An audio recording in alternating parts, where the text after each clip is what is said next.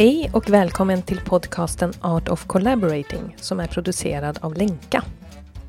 I vårt arbete träffar vi människor med spännande erfarenheter och vi stöter på kunskap och idéer som handlar om samverkan. Vår förhoppning är att vi ska kunna skapa länkar mellan dem och dig som lyssnar och på så sätt bidra till att vi tillsammans fördjupar vår förståelse för samverkan och vad som krävs för att stärka våra samverkansförmågor.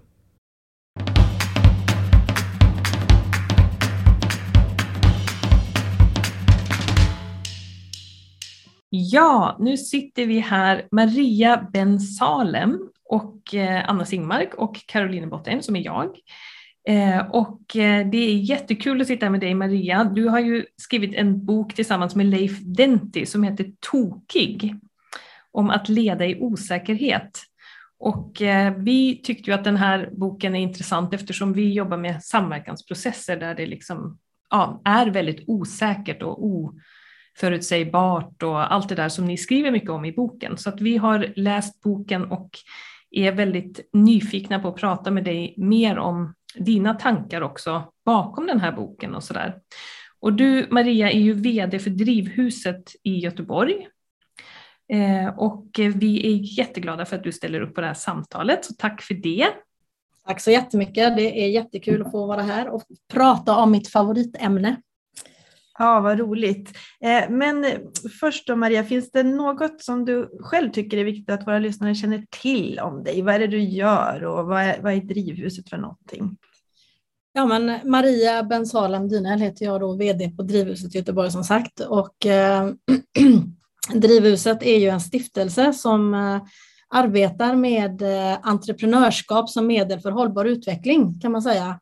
Eh, och då jobbar vi både med människor och individer, men också med befintliga verksamheter, både i näringslivet och i offentlig sektor som eh, jobbar eh, med olika typer av utveckling och innovationsprocesser för att skapa nya hållbara lösningar på diverse utmaningar.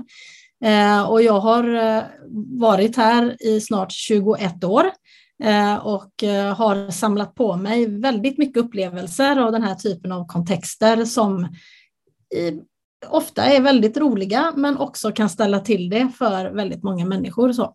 Ja, mm. ja. ja, för jag tänkte just fråga dig, vad är det som har gjort dig intresserad av sådana här tokiga projekt? Och vi har ju förstått att tokig betyder ju just det här med tvetydiga, obekväma, omvälvande, komplexa, instabila och gåtfulla. Vad är det som gjort att du har intresserat dig för de här frågorna? Nej, men som sagt, jag har ju både coachat och processlett eh, väldigt många eh, processer av olika slag. Eh, och eh, när jag började då för 20 år sedan, då var den här typen av processer väldigt linjära. Alltså man, målstyrda, som vi skriver också ganska mycket om i boken.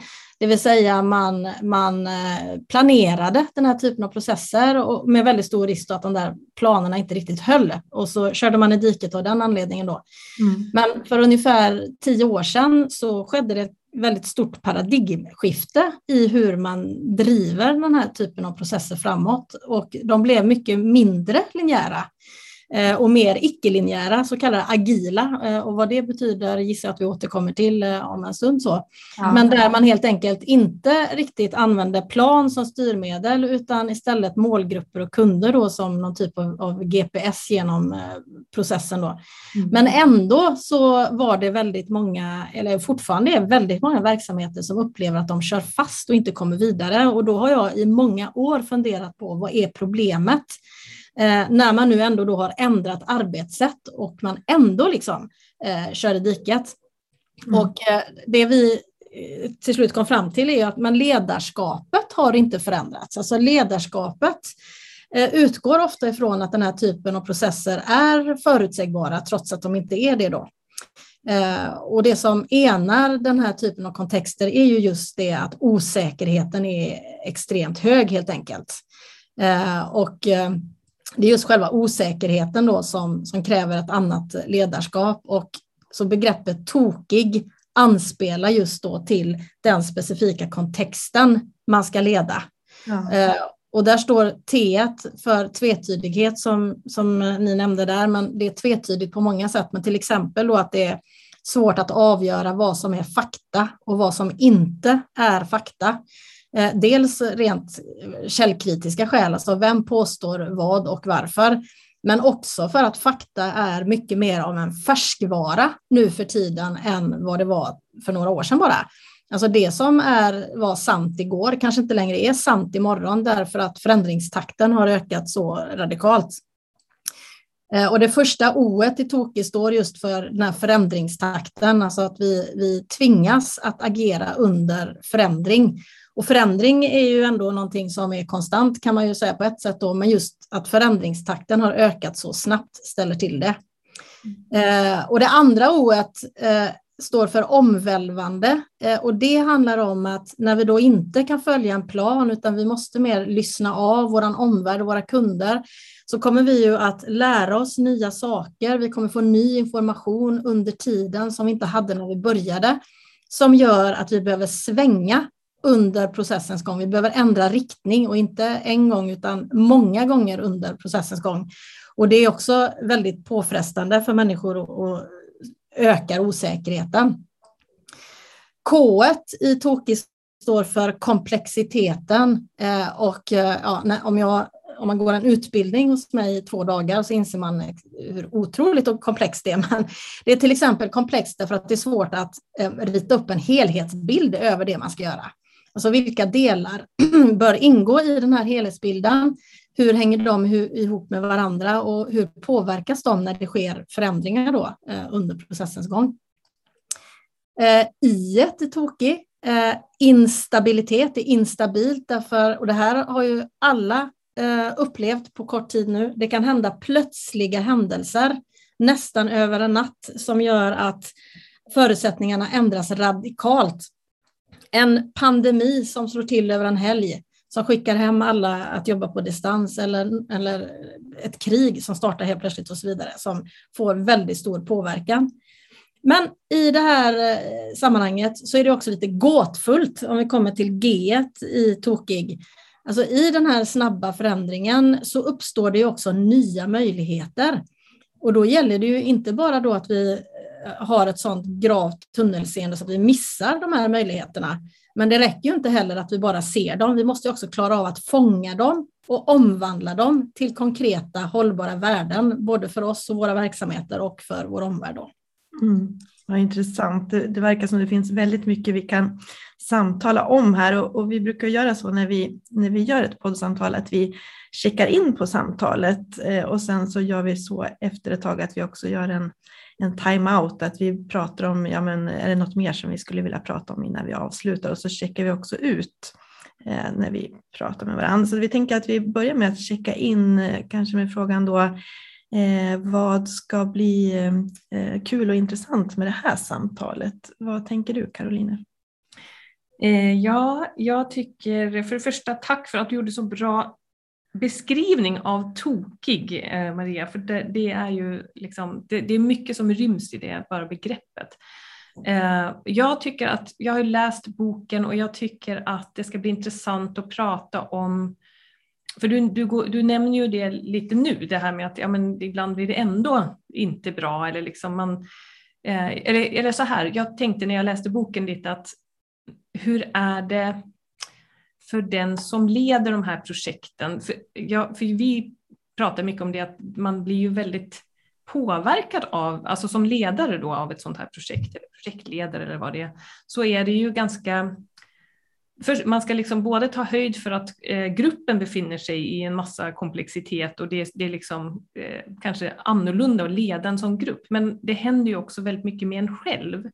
Och det tycker jag ska bli lite intressant att höra hur du resonerar kring det. Eh, vad, vad liksom är viktigt för, för självutvecklingen av de här ledarna av sådana här projekt eller, eller initiativ. Mm. Så det, ja. ja. Och Maria, vad tycker du ska bli kul och intressant med det här samtalet? Ja, men jag tycker alltid att det är, det är ju som sagt mitt favoritämne. Jag pratar väldigt, väldigt gärna och mycket och länge om detta, men också att prata om det i olika kontexter. Eh, nu i er kontext och, och, hur, ni, eh, hur det här innehållet speglar, eh, speglar sig hos er så att säga. Eh, för jag tycker det är väldigt spännande att se hur vi människor ändå är väldigt lika. Ibland, ibland så tror man att amen, eh, i vårt sammanhang eller i vår värld eller i vår bransch eller i offentlig sektor så är det väldigt unikt och speciellt och sådär. Men när det kommer till den här typen av frågor så är de väldigt mänskliga. Eh, och även om vi människor är unika och reagerar olika så finns det vissa saker som, som ändå enar oss, vilket gör att vi kan ha spännande samtal också gränsöverskridande. Mm. Eh, och det, det tycker jag är väldigt intressant och spännande. Mm. Eh, och jag tycker det ska bli jättekul. Jag menar just att prata om det här med ledarskap i osäkerhet och jag tycker eh, ni hade ju väldigt många bra liksom, beskrivningar och begrepp för, för det här. Vad är det egentligen som kännetecknar de här processerna? Så det ser jag verkligen fram emot att prata om.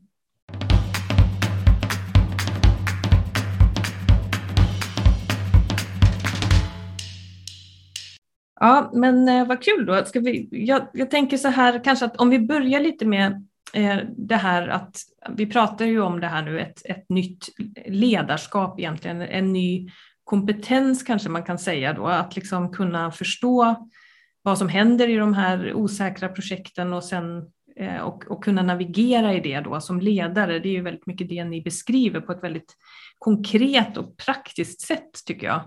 Ehm, men om, om vi bara börjar med frågan, Maria, vad, eh, hur kom det sig att du liksom ändå kände att vi ska skriva en bok om det här? Varför ville ni skriva en bok om det? Ja, men det, man kan också säga att eh, tokig, alltså själva begreppet är ju inspirerat av ett annat amerikanskt begrepp som heter VUCA. Jag vet inte om ni har talas om det, men det står för Volatility, Uncertainty, Complexity och Ambiguity och det uppstod inom den amerikanska militären efter kalla krigets slut när man upplevde att eh, världen hade blivit betydligt mer instabil. Eh, får man ju lite ganska starka déjà vu-känslor just nu då. Mm. Eh, sen har det begreppet spridit sig ganska brett och inom diverse olika managementlitteratur, men det saknades ju ett liksom, verktyg och ledarskap för hur man då ska navigera sig i den här typen av kontexter. Mm. Det handlar mer om att man beskriver, så här är det, men hur gör man saknades. Mm. Och jag är också metodansvarig för Drivhuset Norden och har innan vi då utvecklade Tokigt ledarskap också utvecklat ett agilt arbetssätt eller ett exempel på ett agilt arbetssätt som heter Lopa.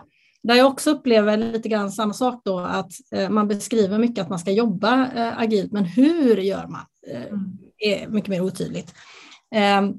Och det var det vi då behövde komplettera med. Så det räcker inte med, med verktyg och sådär i, i eh, målsökande agila processer, utan man måste också ha verktyg för ledarskapet.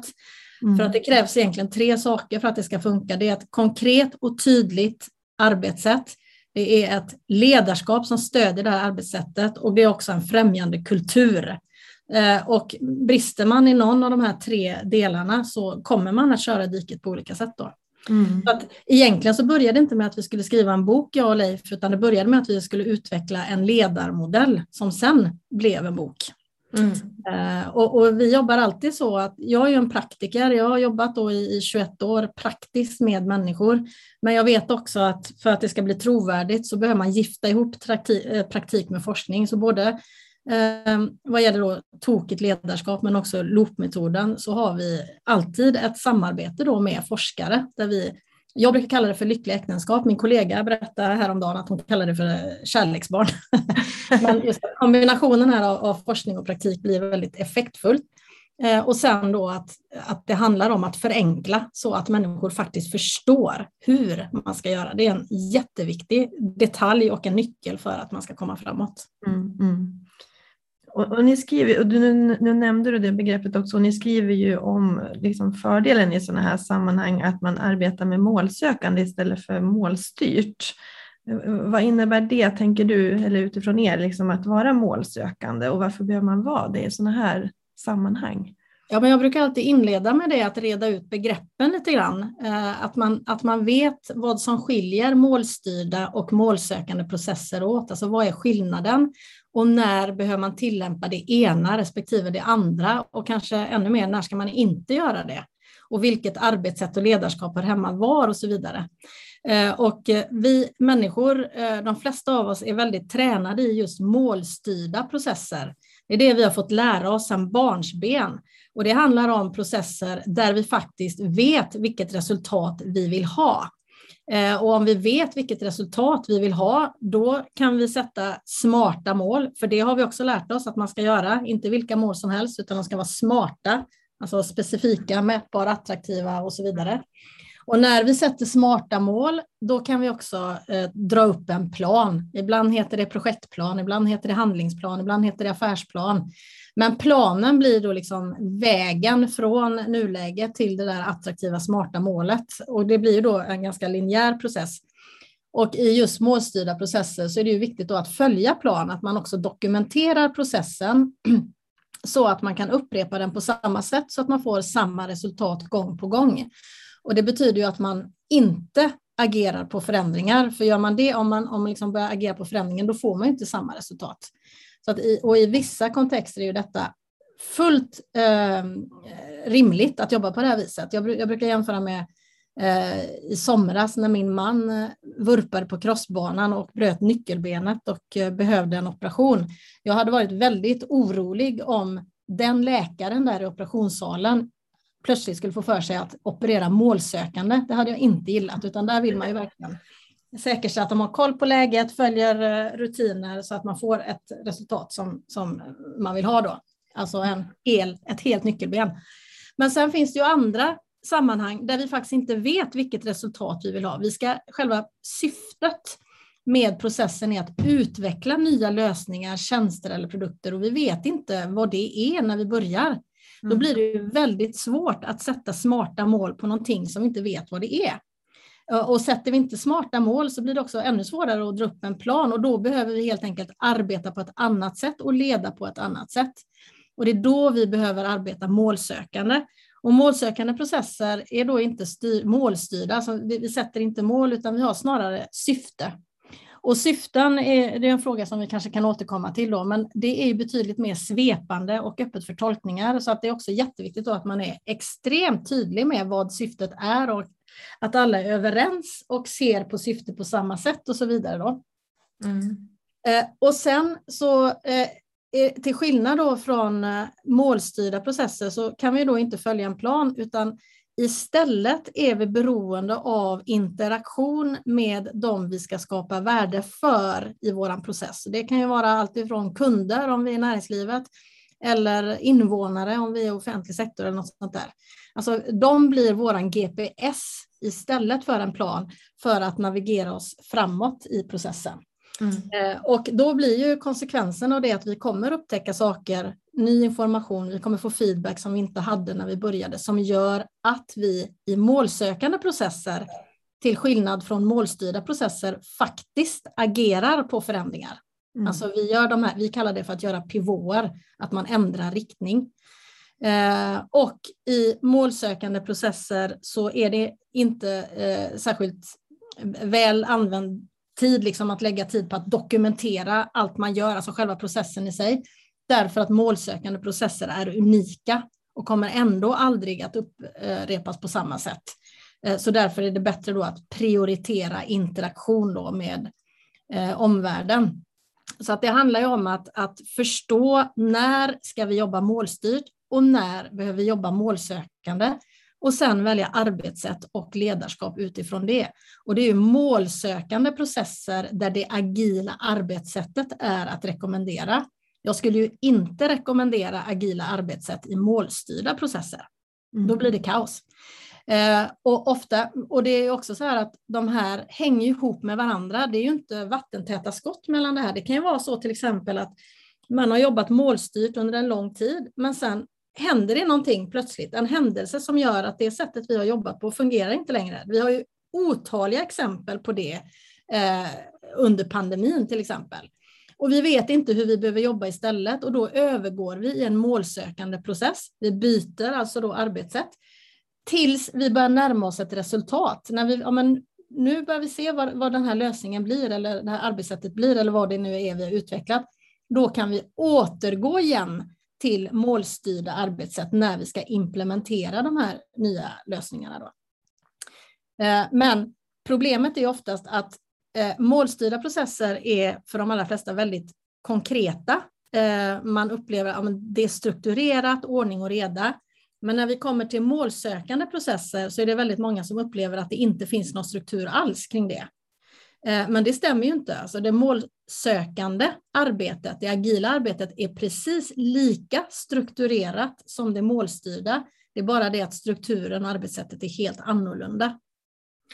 Ja, jag, jag tycker att det är intressant, eh, för vi, vi är ju inne i massa eller processer där som är inom offentlig sektor väldigt ofta. Och då mm. är det ju liksom målstyrt kan man säga. Ofta är ramarna för de här projekten ändå eh, Alltså inom, inom offentlig sektor så finns ju fortfarande den här ganska linjära styrningen eller vad man ska säga. Det finns inte kanske en, även om det är målsökande processer då, så kanske inte den medvetenheten finns. Att då måste vi rigga för dem på lite annorlunda sätt. Eh, och då tycker jag att det är intressant, när, alltså dels att sätta ord på det som, som ni gör då i den här boken, liksom, att, att också förstå att det här är ett målsökande projekt till exempel. Men också det här, ja, ni beskriver då också den här dialogen med uppdragsgivaren, tror jag att ni kallar det för, som jag då tänker är, kan vara den som finansierar projektet eller den som eh, beställer det eller vad det nu är. Eh, men att det tyckte jag var så bra att ni lyfter det väldigt konkret där, att hur viktigt det är att som då den som leder den här processen, att den har en väldigt tajt dialog med uppdragsgivaren om just att det kanske är ett målsökande projekt eller hur, hur ser det ut, liksom? hur ser man på förändringar under resans gång och så där. Så att det blir en, man, man liksom behöver kroka arm med uppdragsgivaren också i det. För det tänker jag blir viktigt eftersom det ju bryter, som du sa, väldigt mycket mot det vi är vana vid eller det som sitter lite i ryggmärgen kanske på oss. Mm. Ja, jag skulle säga att det, det är totalt avgörande eh, för att man överhuvudtaget ska, ska lyckas. Därför att Eh, och jag skulle säga att det är väldigt vanligt att även om teamet då som jobbar operativt i, i processen eh, kanske förstår att ja, vi jobbar målsökande och vi arbetar agilt och också har förstått vad det betyder och hur man arbetar då. Eh, om man inte då har förankrat det med sin uppdragsgivare, mm. det kan ju både vara kund eller, eller chef eller politiker för den delen, mm. eh, då, kommer, då kommer uppdragsgivaren ha målstyrda förväntningar. Mm. Ja, men nu följer ni inte plan här. Eller man kanske då har, har eh, inte har tagit höjd för arbetssättet när man har tilldelat resurser till exempel. Finns det tillräckligt med resurser för att vi ska kunna ändra riktning? Mm. Eh, och jag tror att det är viktigt att man pratar, att man är extremt konkret då när man förankrar detta. Att eh, det räcker inte att säga att ja, men vi ska jobba målsökande och agilt, utan man måste också förklara vad konsekvensen blir. Det betyder att vi kommer upptäcka saker som vi inte känner till nu, som mm. gör att vi behöver svänga längs med vägen. Mm. Eh, vi kommer, vissa idéer som vi har nu, som vi tror på, kanske kommer förkastas under resans gång, men vi kommer upptäcka andra idéer. Eh, och vi kommer kanske inte ha svar på vad resultatet blir förrän alldeles i slutet. Och den Eh, Eh, den förväntansgraden behöver liksom eh, rattas in så att den är realistisk då. Eh, och att man också då kanske väljer andra sätt att följa upp processen. Jag, jag håller ju på nu ihop med Leif och en annan kvinna som heter Anna Lärk skriva en tredje bok som heter Vad då agilt som kommer ut här i höst. Men just också att vi, vi kan inte använda heller de gamla vanliga kända målstyrda KPI-erna i den här typen av processer utan vi måste ha alternativa KPI för att följa liksom hur det går då. Mm. Det låter ju väldigt intressant. Det tror jag att många av våra uppdragsgivare skulle gilla faktiskt. Det ja.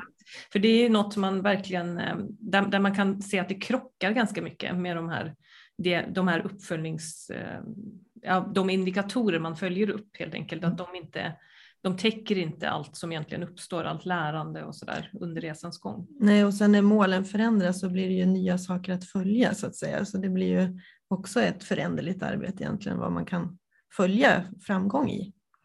Ja, jag skulle säga att det är nästan ännu svårare inom offentlig sektor där som ju ofta bygger på förvaltning. Alltså vi ska förvalta, vi ska ha omsorg om skattebetalarnas medel.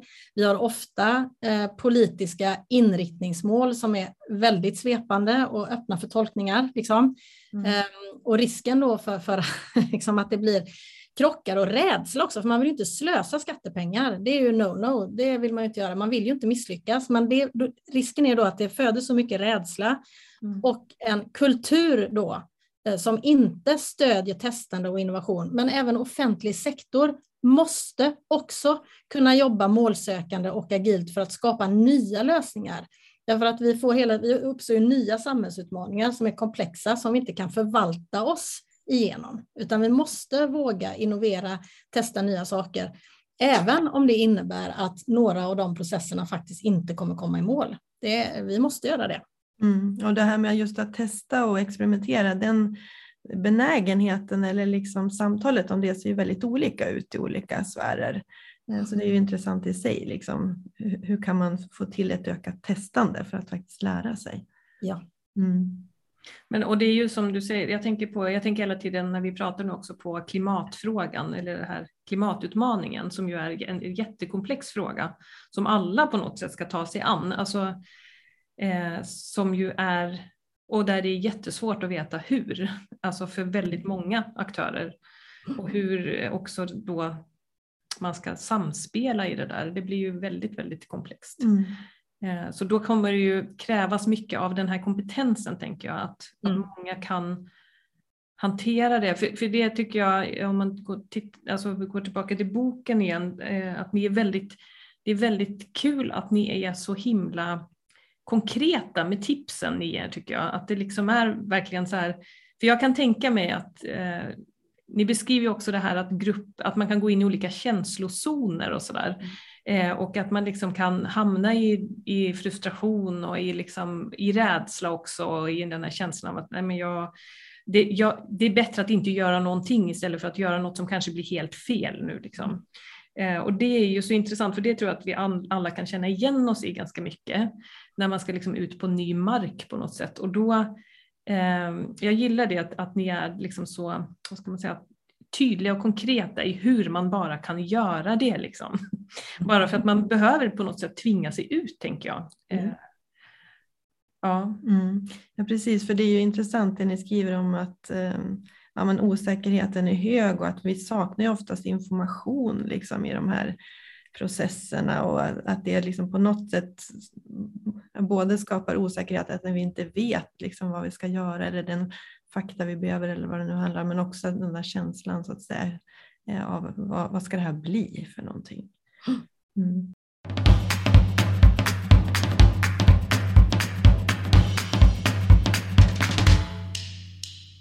Men, men om man tänker på det här då att man ska liksom tvinga sig ut i nya sammanhang och tvinga sig till ett nytt beteende. För ni har ju väldigt mycket tips till den här personen som leder de här processerna.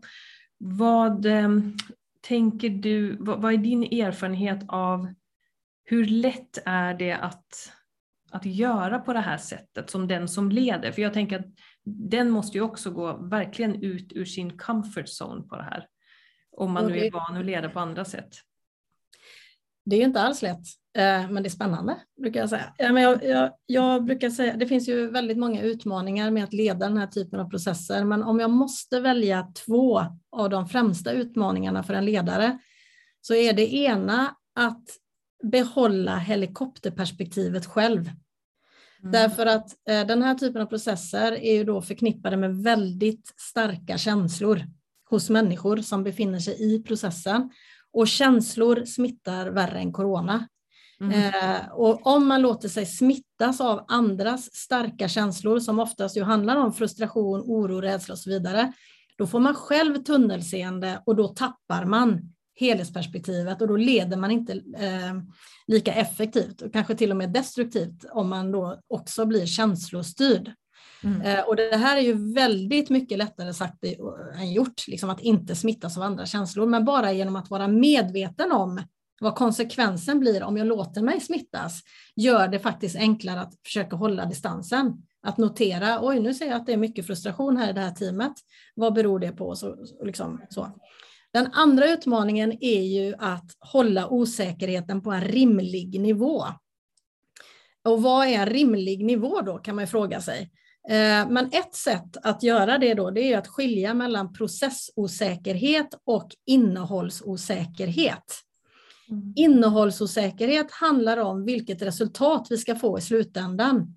Den typen av osäkerhet kan vi inte påverka, eh, utan den måste vi acceptera och förankra.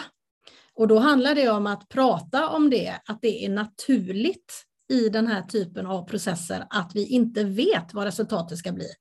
Om vi inte pratar om det så kommer människor att ha orealistiska förväntningar och sen rikta den frustrationen både mot sig själv och mot andra. Att vad, det, vad är det här för flum? Vad ska det här bli? Åh, oh, jobbigt. Utan här behöver man prata om att det är naturligt och inte konstigt och det är helt fine. Vi kommer att få ett resultat, men vad det blir, det får vi se sen. Mm. Eh, men däremot processosäkerhet handlar om hur ska vi arbeta, alltså själva processen i sig. Den kan vi påverka och den osäkerheten behöver vi hålla så låg det bara går.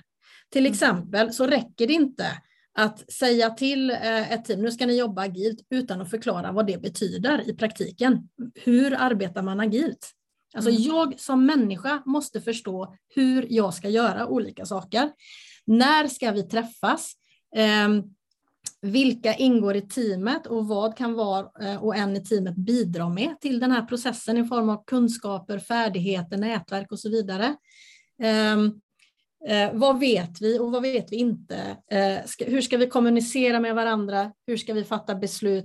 Allting som handlar om själva arbetssättet i sig eh, behöver vi vara så tydliga det bara går. För att ju lägre processosäkerhet vi har, desto högre tolerans för innehållsosäkerheten. Men det är oftast i processosäkerheten vi också brister. Det är därför vi nu känner att vi måste skriva den här tredje boken, Vad då agilt? Men när vi har mm. varit ute och, alltså vi hade en väldigt märklig timing på släppet av den här tokiga boken. Den släpptes ju, vi hade boksläpp den 6 mars 2020. Mm. Eh, när vi skrev boken så eh, var det ingen som hade hört talas om covid överhuvudtaget och vi tänkte att läsekretsen för den här boken det är ju ledare, chefer, projektledare, innovationsledare kanske ändå ganska begränsad skara. Mm. Men den 9 maj Alltså den 6 maj, eller mars, förlåt, då, då, då var corona ett eh, virus i Kina. Vi hade över 100 personer här hos oss och, och firade släppet. 9 maj på måndagen, då var det inte längre ett virus i Kina, utan det hade slagit till med full kraft över hela världen. Och den här lilla läsekretsen, alltså hur man leder människor under hög osäkerhet, den hade blivit betydligt större kan man säga.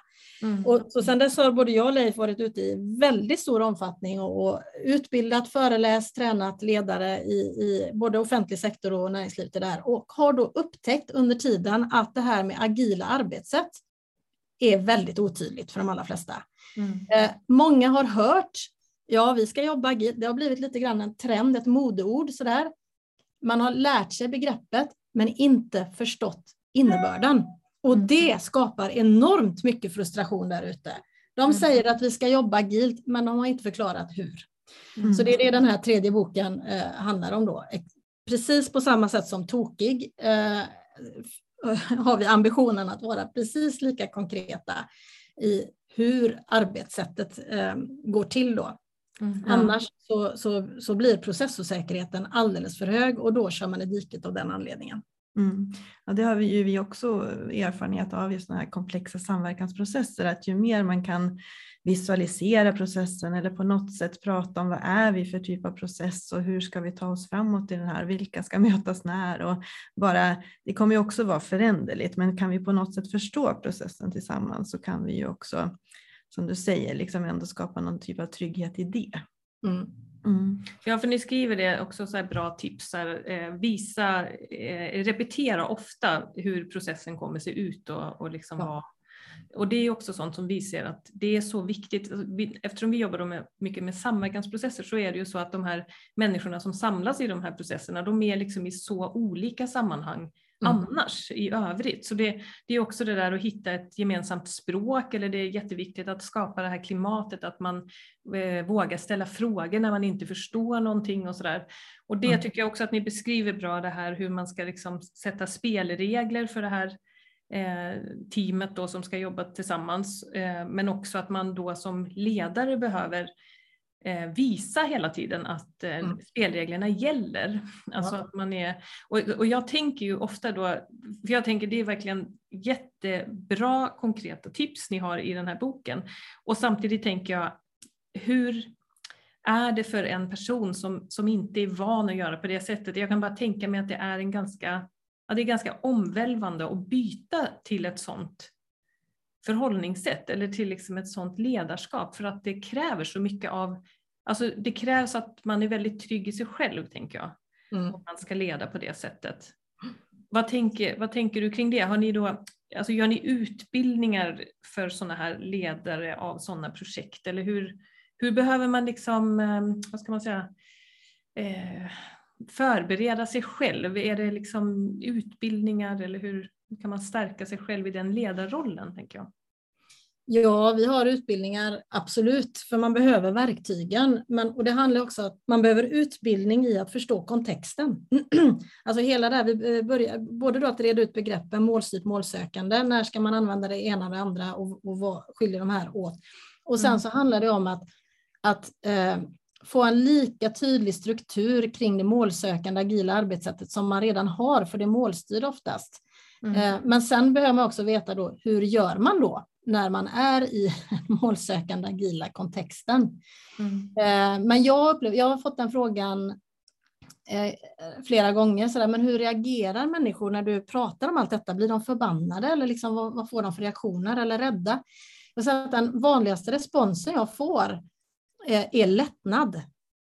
Alltså mm. efter den här utbildningen. Därför att det där flummiga, flum är ett ord som ofta dyker upp i samband med agilt och målsökande. Men det blir inte längre flummigt när man har rätt ut och, och, och liksom målat upp den annorlunda strukturen och konkretiserat arbetssättet. Då blir processosäkerheten även låg när det gäller de målsökande arbetssätten. Så det, det handlar väldigt mycket om att förstå sammanhanget, hur människor påverkas, att känna till vilka fallgropar som finns och hur kan jag undvika dem och vilka verktyg kan jag ta till då för att leda. Eh, och sen går det ju trender i allting. Agilt är trendigt nu. Eh, ett, något annat väldigt trendigt är tillitsbaserat ledarskap till exempel. Jag får ofta frågor på hur, vad tänker jag kring det. Eh, och vi, vi, skriver ganska mycket om i boken att som ledare i agila målsökande processer så måste du leda på väldigt olika sätt i olika kontexter beroende på var då ditt team befinner dig. Det är bland annat det, det här verktyget eh, känslozonerna ehm, är till för att kunna ställa diagnos och välja ledarskap utifrån det.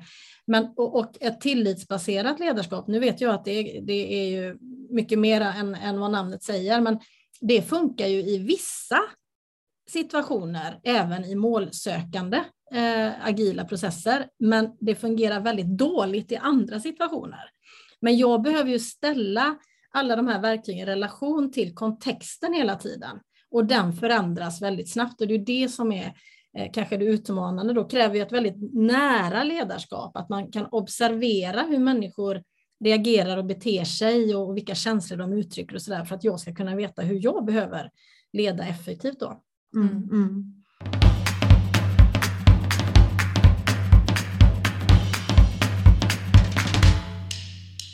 Jag tänkte om vi skulle göra en, en time-out nu på samtalet, bara, är det något mer som vi skulle hinna, vilja hinna prata om innan vi avrundar?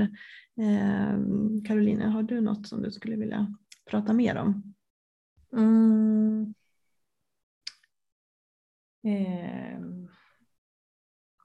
det finns säkert mycket man kan prata mer om. Nu, nu, just nu, den, den tanken jag har just nu det är, bara, det är liksom det här att jag tänker så här att man behöver ta ledarskapet på väldigt stort allvar. Och jag eh, tänker att eh, att jag, jag, kan inte alltid se det kanske, att man gör det. Eller att man, jag kan se ofta att man kanske slarvar lite med ledarskapet faktiskt i, i många processer. Att man slarvar också med förutsättningar för ledare då kanske, att, att man liksom tänker att det ska bara lösa sig. Eh, så Ja, jag, jag, tycker det skulle vara intressant att kanske prata lite om det också. Hur, hur ska vi liksom eh, stärka den här kompetensen också in, inför att vi står inför alla de här komplexa utmaningarna som vi bara måste mm. ta oss an på lite nya sätt. Och sen kanske också det här med att ni nämner så mycket det här med att ha loopa med målgrupp och invånare och det tycker jag också skulle vara bra att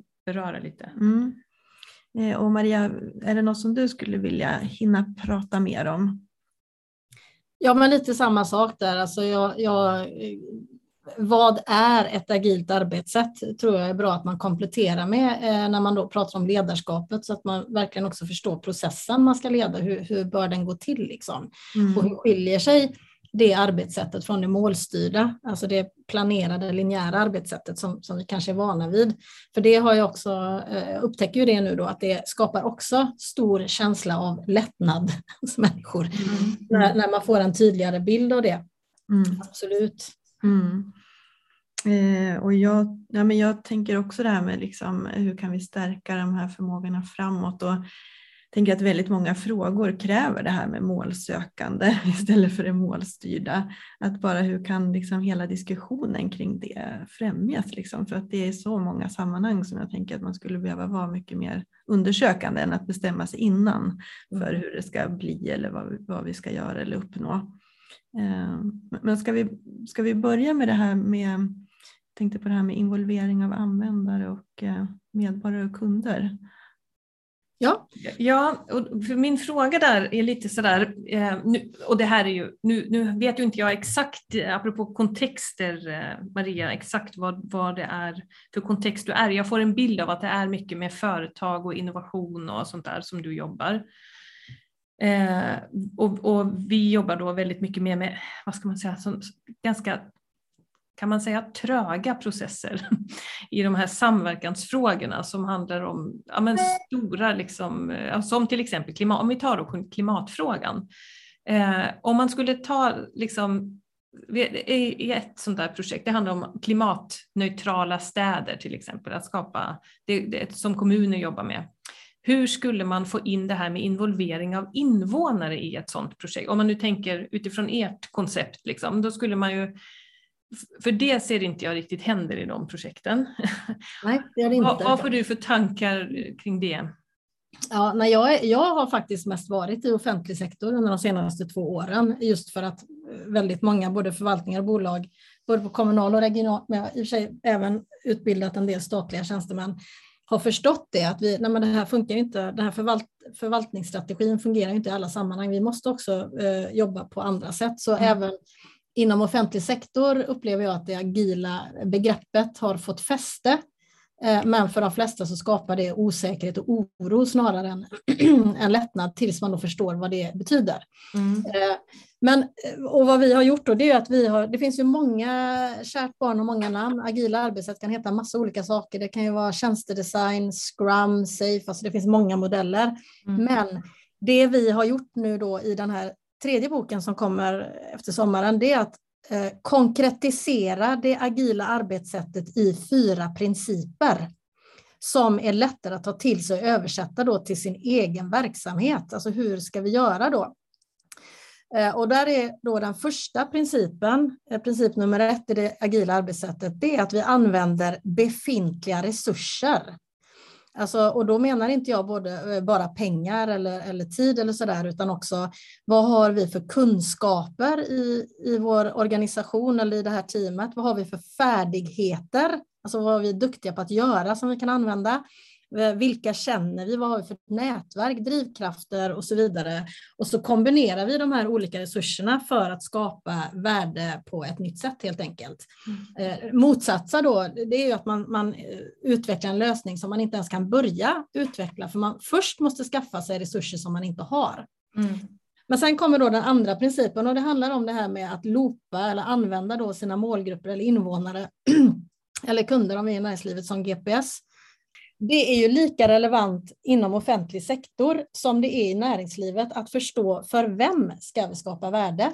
Men här upplever jag då att det finns ett motstånd inom offentlig sektor därför att där ska man skapa värde för alla samtidigt hela tiden. Mm. Så att, eh, man vill helst inte eh, definiera olika målgrupper därför att vi ska utveckla stad för alla. Det är väldigt vanliga argument jag får då. Men i verkligheten så blir det så att om man ska utveckla någonting för alla så skapar man inte värde för någon. Så även om man ska utveckla eh, för alla så behöver man dela upp alla i tydliga målgrupper därför att olika målgrupper har olika behov olika utmaningar, olika förutsättningar som vi behöver möta på olika sätt med de här nya lösningarna som vi utvecklar. Då. Mm. Och eh, genom att konkretisera för vem vi skapar värde så blir det också lättare att identifiera med vilka specifikt är det vi behöver ha en dialog och interaktion med. Vem är det som ska lämna feedback? Mm. Därför att Eh, har vi tydliga målgrupper så, det, vi skriver mycket också om i den här, nu pratar jag mycket om den tredje boken, men eh, det handlar också om att, att skilja på tillförlitlig och opålitlig information. Det är också det här T är tokig. Vi, vi letar inte efter eh, individuella synpunkter, utan vi letar efter mönster, alltså i olika grupper som vi, som vi då ska tolka in i, i vår utvecklingsprocess. Eh, så, och det skulle jag säga att en av de största utmaningarna inom just offentlig sektor, det är faktiskt att våga segmentera, alltså våga definiera tydliga målgrupper. Den tredje principen i det agila arbetssättet, det är ju en konsekvens då av princip nummer två, alltså den här interaktionen. Och det är ju då att vi kommer upptäcka att vi hade tänkt fel eller dragit fel slutsatser eller att världen var inte riktigt så som vi trodde här på våran förvaltning. Mm. Och därför behöver vi ändra riktning, göra pivoter. Mm. Och det är inte ett misslyckande. Det är många som som upplever det som ett misslyckande. När man, men nu har vi drivit det här konceptet och så får vi negativ feedback och så tror man att man har misslyckats. Men det har man inte eh, nödvändigtvis, utan man har kommit till ett vägskäl. Alltså vi, vi har upptäckt nu att vi kan inte köra rakt fram. Vi behöver svänga. Åt vilket håll ska vi svänga åt då? Mm. Och den fjärde principen är att vi ska testa i liten skala under hela processens gång. För det är nämligen så vi får feedback från våra målgrupper. Alltså vi ska då inte sitta på, i konferensrummet eller på kammaren och utveckla en idé eller en lösning, ett koncept klart och sen lansera och hoppas på det bästa. Mm. Utan så fort vi har en idé, då ska vi, och vi vet för vem den här idén ska göra skillnad, så ska vi börja testa den idén för att samla eh, feedback. Som, och den här feedbacken då vägleder oss eh, framåt i den här processen. Mm. Eh, så genom att, att konkretisera hela det agila eh, eh, ibland eller ofta kanske uppfattas som flummiga arbetssättet i de här fyra enkla principerna så blir det också lättare att lägga upp sitt arbete. Hur, vilka resurser ska vi använda? Mm. Hur ska vi kombinera dem? Vilka ska vi loopa mot och hur ska de här looparna gå till? Vilka frågor ska vi ställa? Hur ska vi ta hand om resultatet av de här looparna? Eh, och det vägleder oss då hur vi behöver svänga längs med vägen och sen också hur ska vi testa? Hur ska vi testa i liten skala under processens gång? Mm. Ja, det där med att gå ut och testa snabbt tror jag man skulle behöva göra mer av, för det är ju väldigt mycket idag att liksom skriva projektplaner och göra analyser och liksom göra väldigt mycket utredningsarbete liksom innan man går ut och gör någonting. Det där är en väldigt vanlig fallgrop mm. som är kopplad till osäkerhet. Eh, det var någon som beskrev det som förstudiesjukan för mig för bara några veckor sedan. Jag tyckte det var klockrent. Mm. Det är den här osäkerheten att oj, vi saknar information. Vi har inte all information vi behöver, tror vi, för att lösa det här. Mm. Eh, och vad man vanligtvis gör då, det är att man börjar läsa på. Man läser rapporter, förstudier, undersökningar, mm. eh, utredningar och, man kan, och det där kan man hålla på med hur länge som helst. Och ju mer man läser, desto mer inser man att vi saknar fortfarande information. Eh, och sen så kommer man aldrig igång. Men mm. i målsökande agila processer så hittar du inte den viktiga informationen i rapporter eller förstudier eller utredningar, utan du måste hitta den hos dina målgrupper. Du måste gå ut och ställa frågor. Det är enda mm. sättet att komma framåt. Mm. Så att om det är något jag vill varna för så är det fastna inte i förstudiefällan. Mm. Och inte komma igång överhuvudtaget. Liksom. Mm. Och det genomsyrar ju många delar av samhället idag. Det är ju också stora offentliga utredningar och så vidare ja. kring olika frågor som gör att vi kan hålla på i många år innan vi går in i handling. Ja. Eh, men jag tänkte, eh, nu börjar ju också tiden eh, rinna här, men om vi skulle gå in på det här med också förutsättningar då, eller hur kan man stärka förutsättningarna framåt för människor som leder sådana här komplexa processer och osäkra processer? Det var väl något som också mm. dök upp. Vad, vad får vi för tankar där? Eller vad kommer behövas framåt? Ja, men jag tror att det handlar om att eh, reda ut osäkerhet, alltså att säkerställa att alla inblandade har samma bild av kontexten. Alltså vad är det vi ska gå in i här? Att vi förstår, alltså inte bara har lärt oss ord och begrepp utan också förstår innebörden.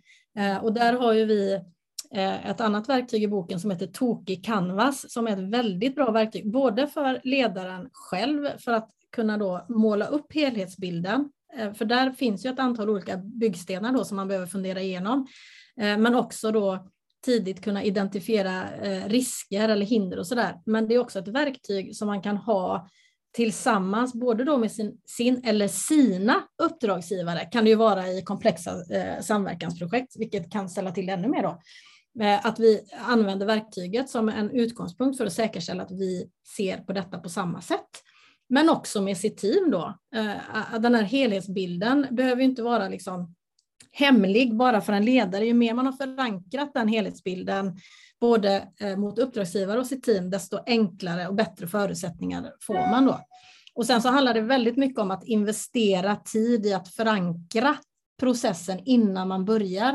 Eh, det här med att reda ut och, och hålla nere processosäkerheten, till exempel genom att prata om processens natur. Även om Eh, målsökande agila processer är oförutsägbara så är det vissa situationer som ändå är högst förutsägbara som kommer att eh, hända. Till exempel, vi kommer lära oss nya saker som vi inte kände till. Vi kommer att upptäcka att vi behöver ändra riktning. Vi kommer också utmanas i våra egna komfortzoner, för vi ger oss ut här nu utan en plan. Eh, förhoppningsvis har vi våra målgrupper som kompass eller någon slags GPS, men i övrigt så är det okända vatten och då kommer vi sannolikt få testa saker vi inte har testat förut. Även jag personligen kanske måste göra saker som jag inte är Eh, fullt bekväm med som kommer skapa starka känslor hos de som arbetar. Mm. Vi vet att det kommer hända och det kan vi rusta oss för genom att prata och förankra, eh, skriva de här teamöverenskommelserna som vi pratade om tidigare här i, i samtalet, så att vi har någonting att, att liksom brygga tillbaka till när det börjar blåsa eh, längre fram i processen. Då. Mm. Eh, men ofta så tar vi inte den tiden. Till exempel, vad är syftet med detta? Att, att verkligen förankra och diskutera och säkerställa att vi har samma bild av syftet. Vi tar oss inte den tiden utan vi är alldeles för snabba på att sätta igång. Eh, och, så, och har man då ett team där alla har varsitt syfte så kommer man ju direkt upptäcka att nu springer vi åt helt olika håll allihopa. Eh, eller så fastnar man i förstudiefällan då. Nej, vi, vi, får nog läsa på lite här innan vi vågar göra någonting. Det är liksom mm. de två ja. riskerna som finns då. Ja. Eh, vad tänker du Caroline kopplat till din fråga där om förutsättningar? Mm. Nej, men jag tycker att det är så intressant för, jag, eh, för jag, jag tänkte nu att ditt svar skulle vara Maria, ja men vi måste göra massa ledarutbildningar. Vi måste verkligen eh, göra, utbilda alla, jättemånga ledare som kan det här. Men, men ditt svar tycker jag handlade mer om liksom att eh, vi, vi behöver bara prata om förutsättningarna eller förstå mm. förutsättningarna. Mm det tyckte jag var lite befriande i ditt svar nu, för det, det, och det ska vi också göra tillsammans. Att mm. det, liksom, det är det som är uppgiften egentligen eh, mm. som ledaren har, att, att förstå vad är, hur ser förutsättningarna ut, hur ska vi göra det här och sen prata med alla om det, liksom, hur, ja. hur vi då ska navigera. Och det, det, lät, ja, det tyckte jag var lite kul, lite befriande faktiskt. Vad tänker du Anna? Ja men precis, för jag tänker också att det, det är ju ett antal delar i systemet som behöver förstå då att vi ska jobba annorlunda. Dels de som, som liksom rent operativt ska jobba med frågeställningen och sen kanske finansiärer, ibland kan det vara politiker. Att det bara är jättespännande vilka involverar vi i, i sådana syftesdiskussioner och eh, hur vi behöver hantera den här frågan. För att jag tror också som du är inne på att om förstår vi det bara tillsammans så, kan, så finns det liksom frihetsgrader i mm. de här frågeställningarna att, att jobba annorlunda också också. Men att vi nästan per autopilot ibland går in i det här linjära. Men ja. skulle vi då göra så att vi faktiskt förstår vad, vad, vad är syftet med det här projektet eller processen och hur behöver vi egentligen agera så tror jag att vi skulle i olika sammanhang skapa eh, liksom, det handlingsutrymme som vi behöver. Ja. Mm.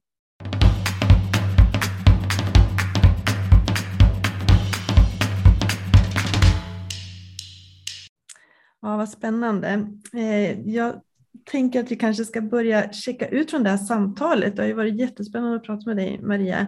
Eh, så jag tänker bara att ställa check ut-frågan här. Vad tar vi med oss från det här samtalet? Så om jag börjar med dig Karolina, vad tar du med dig från samtalet? Eh, men väldigt mycket det jag sa nu senast, att, att jag liksom inser att det är ett Eh, Eh, att vända fokus mot liksom, att förstå kontexten och förstå vad vi ska göra och hur vi då behöver göra det. Att ägna tid åt det, liksom, att det och ha verktyg för det också, som jag tycker att ni verkligen har mycket av i, i er bok. Det tar jag med mig. Och, men också det här när, som du var inne på nu Maria med agila arbetssätt och liksom eh, jag tycker det är så kul att, att du håller på och eh, gör vad du kan för att sprida kunskap om det. Liksom. Vad är det här för någonting? För jag håller helt med, det, det är som ett buzzword, det där agila, och så tror man att alla förstår vad vi pratar om och så är det ingen som egentligen har Nej. någon aning om vad vi pratar om. Men, men det är liksom, ja. Så det tror jag, eh, jag blev jätteglad att ni ska ge ut en till bok här nu som, eh, om det. Så um, ja, jag tar med mig mycket inspiration och energi. Eh, och vad tar du med dig Maria? Nej, men jag tar med mig, jag tycker det är intressanta frågor som ni lyfter som gör att, eh, men det är ju det, är ju det här att även om jag pratar om, om det här i princip varje dag, dagarna ända i olika sammanhang, eh, så blir det ändå nya perspektiv liksom, i varje nytt sammanhang som både är nytt men också lika. Jag, jag, det jag tycker det är intressant att reflektera över. Mm. Eh, så. Mm. Jättespännande. Mm. Du då Anna? Eh, ja men eh, massor. Eh, jag tycker ni sätter ord på, också väldigt bra ord på saker och ting som det här med eh, målsökande istället för målstyrt och det här med processosäkerhet och målosäkerhet. Och liksom, när vi kan sätta ord på sådana här sammanhang, det tror jag är en jätteviktig del också i att börja jobba annorlunda. Eh, och sen så så tänker jag att det är väldigt eh, kul att ni är på väg med nya böcker också och att ni jobbar med spridning av de här tankarna och eh, konkreta metoderna verkligen. Så tack så jättemycket Maria. Ja, tack, tack Maria. Tack för att jag fick vara med och prata om detta.